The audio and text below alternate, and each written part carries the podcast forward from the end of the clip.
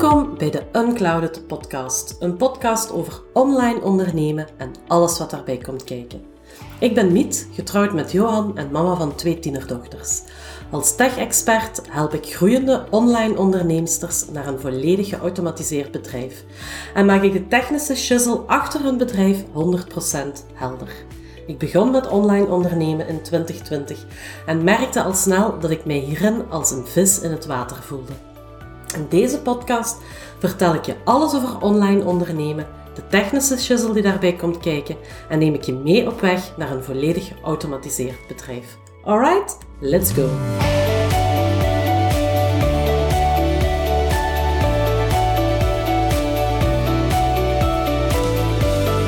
Hey, hey, hey!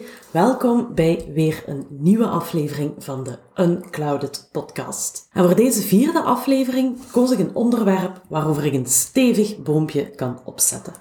Vrouwelijke ondernemers en hun technische shizzle. En oh boy, dat is nogal wat.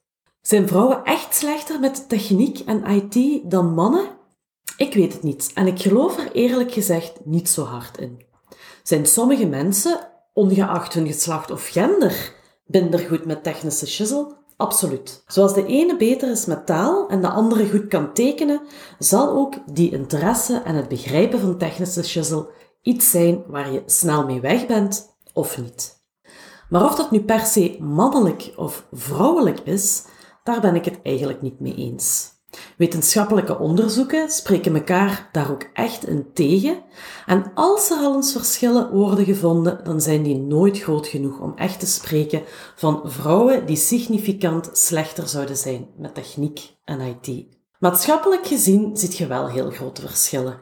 Ik heb altijd al een hele grote interesse gehad in schoolvakken die als meer mannelijk worden gezien. Wiskunde, wetenschappen, informatica. Ik zat in een meisjesschool in het middelbaar dus daar kon ik nog niet echt een verschil zien. Ik heb in het hoger onderwijs graduaat toegepaste informatica gestudeerd en daar zat ik met bijna uitsluitend jongens in de klas.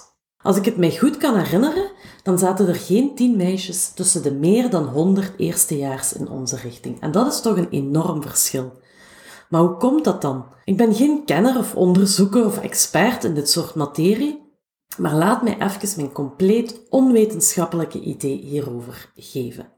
Vrouwen en meisjes van mijn generatie zaten op school in een tijd dat er nog heel veel aan genderstereotypering werd gedaan. Meisjes spelen met poppen, jongens met auto's, je kent dat wel. In onze tijd uh, was die genderstereotypering nog veel meer aanwezig dan nu. Er is beterschap op komst, al gaat het naar mijn goesting nog niet snel en radicaal genoeg. Maar die genderstereotypering die leidt wel heel erg naar typische studiekeuzes. Meisjes die zaten dan uh, in de zachtere studierichtingen, in de zorg, welzijn, talen. En jongens die kiezen meer voor stemrichtingen, wetenschap, technologie. Dat is nog altijd zo, al worden de verschillen steeds kleiner, gelukkig maar. En dan krijg je uiteraard dingen als een IT-richting met maar 10% uh, eh, meisjes. Maar ook gewoon het idee dat vrouwen minder goed zijn uh, in technische dingen. Dat is een idee dat mannen hebben, absoluut. Het zou niet de eerste keer zijn dat mijn man als eerste wordt aangesproken in een computerwinkel. Of um, ik moest laatst naar Telenet bellen omdat er een probleem was met mijn internetverbinding. En de helpdesk-medewerker, nogthans een uh, jonge kerel, enfin, zijn stem klonk toch als die van een jonge kerel, die verbaasde zich openlijk over het feit dat ik vlotjes kon meepraten en de IT-terminologie feilloos beheerste. Mm Maar ook vrouwen hebben dat idee. Over zichzelf. Ik werk dagelijks met vrouwelijke ondernemers en ik zie daar toch wel een aantal dingen heel frequent uh, gebeuren. Vrouwelijke ondernemers zijn bang van een technische shizzle. Uitspraken als: Ik ken daar niks van. Ik ga dat niet kunnen. Mijn man die doet dat wel voor mij. Die hoor ik met de regelmaat van de klok. Vrouwelijke ondernemers voelen zich dom als het over een technische shizzle gaat. Zo van, goh, dat is allemaal niks voor mij hoor, dat kan ik niet, dat ga ik niet kunnen. Vrouwelijke ondernemers gaan een technische shizzle echt uit de weg. Ik laat mijn man of mijn zoon of mijn buurman of whatever dat wel doen. Nu heb ik echt niks tegen uitbesteden, Integendeel, ik besteed zelf ook de dingen uit die ik niet graag doe en ik ben er 100% voorstander van. Maar uitbesteden als manier om ergens niets meer mee te maken te hoeven hebben en om een beetje uw kop in het zand te steken, struisvogelgewijs, dat is echt geen goed idee. Ik ga u een paar voorbeelden geven uit de praktijk. Er was eens een copywriter die een website nodig had. Die zelf gaan bouwen, daar had ze geen zin in. En dat kon ze zelf ook niet. En ze had er ook geen tijd voor. Dus ze liet de website bouwen door de zoon van de neef van de tuinman of zoiets. Allee, ja, je begrijpt wel wat ik bedoel. Die dat na zijn uren deed. Want ja, dat was goedkoop en dan gun ze die jongen ook nog eens iets en zo verder. Iedereen blij. Nu was de zoon van de neef van de tuinman zo'n absolute tech whiskit. Hij gebruikte een uh, obscuur stukje goedkope software, gooide daar wat HTML en CSS-code tegenaan. En als je het nu in Keulen hoort donderen, is dat heel normaal. Dat deed de copywriter in kwestie ook. En hij knutselde een eenvoudige website in elkaar. De copywriter blij, want ze had een website en ze kon beginnen aan een bloeiende carrière als zelfstandige. Maar na een maand wilde de copywriter in kwestie een foto veranderen op haar website. En ze vroeg aan de neef, uh, de zoon van de neef van de tuinman, hoe ze dat moest doen. En het antwoord luidde, Ho, dat kan ik u moeilijk uitleggen, want dat is nogal ingewikkeld hoor. En als ze dan vroeg of hij het dan voor haar wilde doen, dan was het antwoord, tuurlijk, ik doe dat wel, maar wel pas over twee weken, want ik ben nu op vakantie. En daar stond de copywriter dan. Ze had een website, maar ze had daar totaal geen controle meer over. Ze kon niet zelf aanpassen. Ze moest altijd wachten tot de maker van haar website er tijd voor had en moest voor elk kleinigheidje een factuur betalen. Dat werkt niet. Een ander voorbeeld. Er was eens een business coach die een online programma ging verkopen. De eerste lancering deed ze geheel met de hand, want ja, lanceren dat is al lastig genoeg.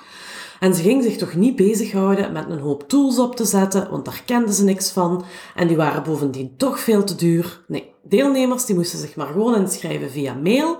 Ze ging dan wel een factuur maken. Ze controleerde regelmatig of die factuur al betaald was. Als dat gebeurd was, dan gaf ze de deelnemer in kwestie toegang tot het lesmateriaal in haar Google Drive en stuurde ze via haar Gmail-adres een mailtje met de link naar die map in de Google Drive. Die eerste lancering die was best succesvol. Tof. Maar bracht ook heel veel werk met zich mee. Al die facturen, al die betalingen, al die mails, al die toegangen tot de Google Drive. Dat moest de volgende keer toch anders.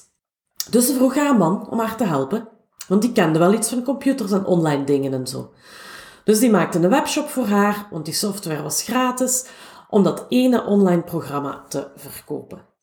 En ze ging ervan uit dat dat wel in orde zou komen, want ja, hij was de specialist, niet zij. De lancering werd nog een groter succes dan de eerste keer. De inschrijvingen stroomden binnen, de betalingen werden online gedaan via die webshop software. Heerlijk, die hoefden ze dus niet meer te gaan controleren, maar oeps, na de lancering bleek dat die webshop software geen facturen maakt.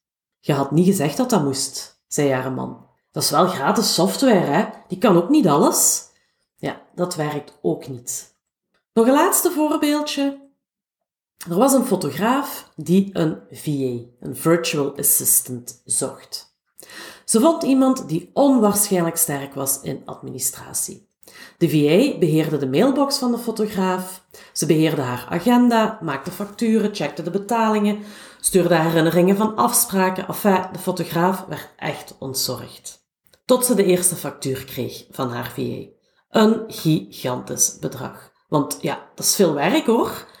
Die VA die deed alles met de hand, gebruikte geen enkele tool en was dat ook niet van plan. Ah nee, dat is mijn job, ik doe dat graag en ik doe dat liever zo, zo ben ik het gewend, zei ze. Ja, dat werkt ook niet. Maar ziet je wat er gebeurt? In al die gevallen je besteedt de technische kant van je zaak uit, omdat je er bang van bent, of omdat je dom voelt, omdat je het zelf echt niet weet, en dan denk je, laat iemand anders het maar doen, dan ben ik er vanaf. Maar op die manier geeft je ook de volledige macht over een bepaalde taak in je bedrijf uit handen. Je maakt jezelf afhankelijk van iemand die het ongetwijfeld heel goed bedoelt, maar die het ofwel veel te ingewikkeld maakt, of die eigenlijk niet helemaal weet wat jij precies nodig hebt, of die het gewoon zelf ook niet weet, of die het niet anders gewoon is, of weet ik veel wat. Ja, en jij weet het zelf ook niet, dus je kunt het ook niet bijsturen. Ik vind dat oprecht heel, heel jammer. Ik vind het echt jammer dat jij misschien bang bent van uw technische shizzle. En ik vind het ontzettend jammer dat jij je dom voelt.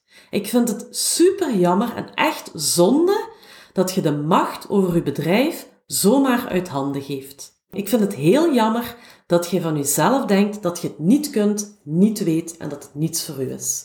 Want stel dat die copywriter van daarjuist haar website zelf had gemaakt. Met een tool die gemaakt is voor het ontwerpen van eenvoudige websites zonder veel technische kennis. Bijvoorbeeld uh, zoals Squarespace of Wix, dan had ze zelf de volledige controle over haar website behouden en had ze op elk moment zoveel kunnen veranderen aan haar website als ze zelf wilde. Of stel dat die business coach van daarjuist zich goed had laten informeren over de tools die echt het verschil maken als je een online programma wilt, wilt verkopen. Dan had ze met gemak 100 deelnemers kunnen verwelkomen zonder extra veel werk achter de schermen. En dan had ze geweten hoe al die tools werken en dan had ze haar man niet nodig gehad om haar te helpen, want ze zou het zelf beter geweten hebben dan hij. En stel dat die fotograaf van daarnet op zoek was gegaan naar de juiste tools alvorens het werk uit te besteden, dan had ze ook zonder VA al een heel pak minder werk gehad. En dan had ze een VA kunnen zoeken die goed kan werken met al die tools, om dat laatste restje werk ook nog over te nemen. En stel dat die copywriter en die business coach en die fotograaf echt geen zin hadden om dat allemaal zelf te doen. Dan nog was het een enorme meerwaarde om zich eerst te informeren over wat er allemaal mogelijk is en wat er allemaal nodig is in een online business, om dan de perfecte webdesigner of virtual assistant of weet ik veel wat te zoeken om daarmee aan de slag te gaan. Maar wat gebeurde er? Ze hadden geen idee. Ze wisten dat ze iets nodig hadden, maar ze wisten niet wat. Ze hadden geen vertrouwen in zichzelf dat ze dat zelf zouden kunnen uitzoeken. Ze waren bang en ze voelden zich dom, omdat ze dat allemaal niet wisten. Dus ze dachten, neem het mij gewoon uit mijn handen, ik wil er niks meer te maken hebben, poeh, dan ben ik er vanaf. En ze vertrouwden erop dat anderen het beter zouden weten, want ja, zij wisten het echt niet. En ze geraakten gefrustreerd. En ze dachten, ziet je wel, ik weet er allemaal niks, niets van. Ik ben dom. En dat hoor ik heel vaak. Ik hoor heel vaak vrouwelijke ondernemers die zeggen, oh, Miet, je zult mij wel heel dom vinden, want ik heb dat nu toe allemaal met de hand gedaan. Of je zult mij wel echt dom vinden, want ik heb eigenlijk echt geen idee van wat er allemaal kan en wat er allemaal mogelijk is. Of ja, je zult mij wel dom vinden, want ik snap daar allemaal niet zo heel veel van. Maar ik wil eigenlijk tegen jullie allemaal het volgende zeggen. Je bent niet dom omdat je niet weet wat er allemaal mogelijk is. Er is zoveel mogelijk, je kunt niet alles weten.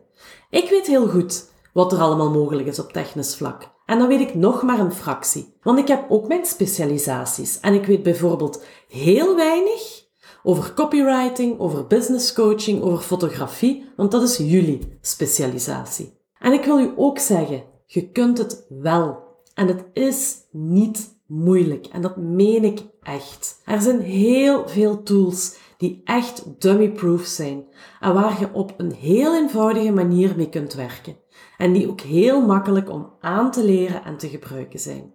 En ook nog dit. Wilt je toch uw werk uitbesteden?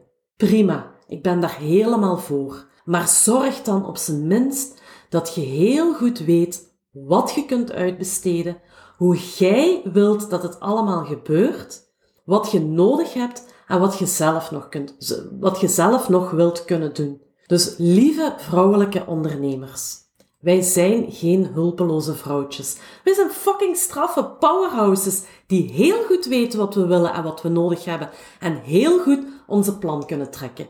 Thank you very much. En het is echt mijn missie om te zorgen dat zoveel mogelijk vrouwelijke ondernemers het vertrouwen hebben om de technische shizzle in hun eigen business in handen te geven. En het is mijn doel om die technische shizzle 100% helder te maken. Dus ik geef u vandaag een opdracht. Bedenk eens wat de eerste stap is die jij gaat zetten op weg naar een meer geautomatiseerd bedrijf. Welke taak in uw bedrijf gaat jij laten doen door een tool? Wie gaat je aanspreken om het werk op de juiste manier uit te besteden? Wie gaat je vragen om je te helpen kiezen welke de juiste tools zijn? En als je die vragen beantwoord hebt, laat het mij dan eens weten. Ik ben heel benieuwd.